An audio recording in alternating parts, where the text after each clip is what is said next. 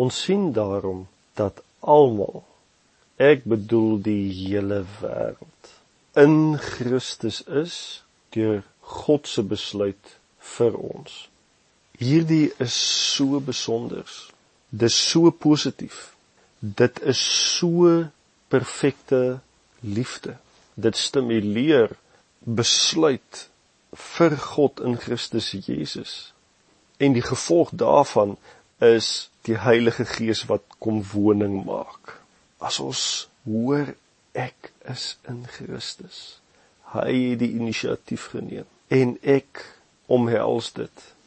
Maak dit my eie. Ek glo dit met my hele hart dat hy vir my alles gedoen het om my te versoen met hom.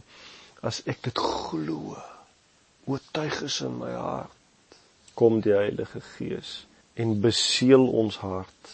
Dan sal ons in verhouding met God.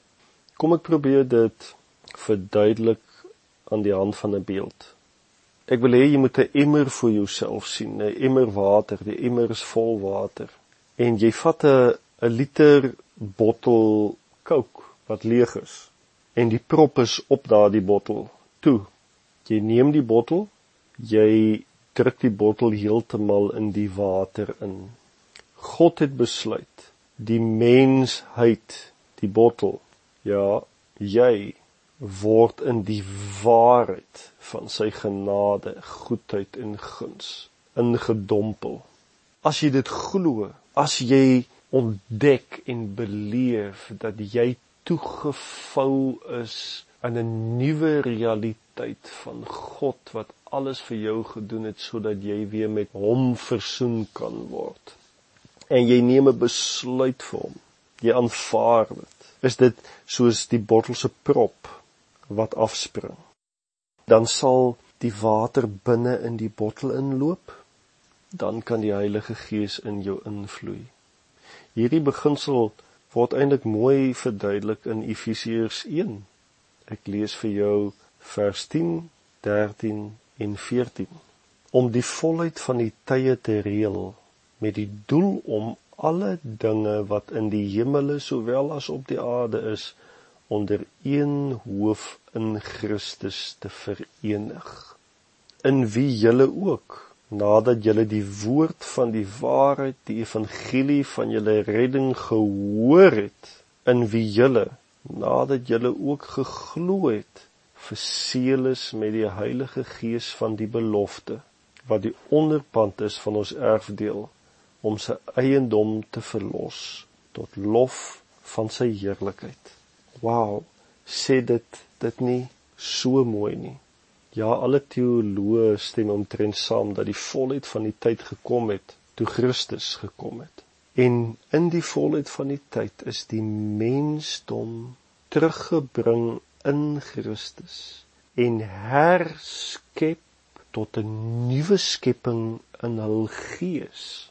Dit is die evangelie. Dit is goeie nuus. En die tydsorde as dit ware in die teks is dat God eerste almal in Christus geplaas het met sy kruis en opstanding. En toe is alles later wat in Christus gebeur het verkondig vir die mense oor die wêreld as die goeie nuus as die evangelie. En as hulle geglo het, toe hulle glo, as jy glo, dan word jy verseël deur die inwoning van die Heilige Gees. En let tog wel dat hierdie teks praat van die woord van die waarheid. Wow. Dit is die evangelie van jou, julle redding. Hierdie teks praat nie daarvan hoe jy nog steeds gered moet word nie, maar van redding, verlossing wat al reeds gebeur het voordat jy dit gehoor het en geglo het. Redding, verlossing hier is 'n selfstandige naamwoord en dit praat van 'n stand waarin jy is, 'n afgehandelde vaste posisie waarin almal en alles al reeds is en bestaan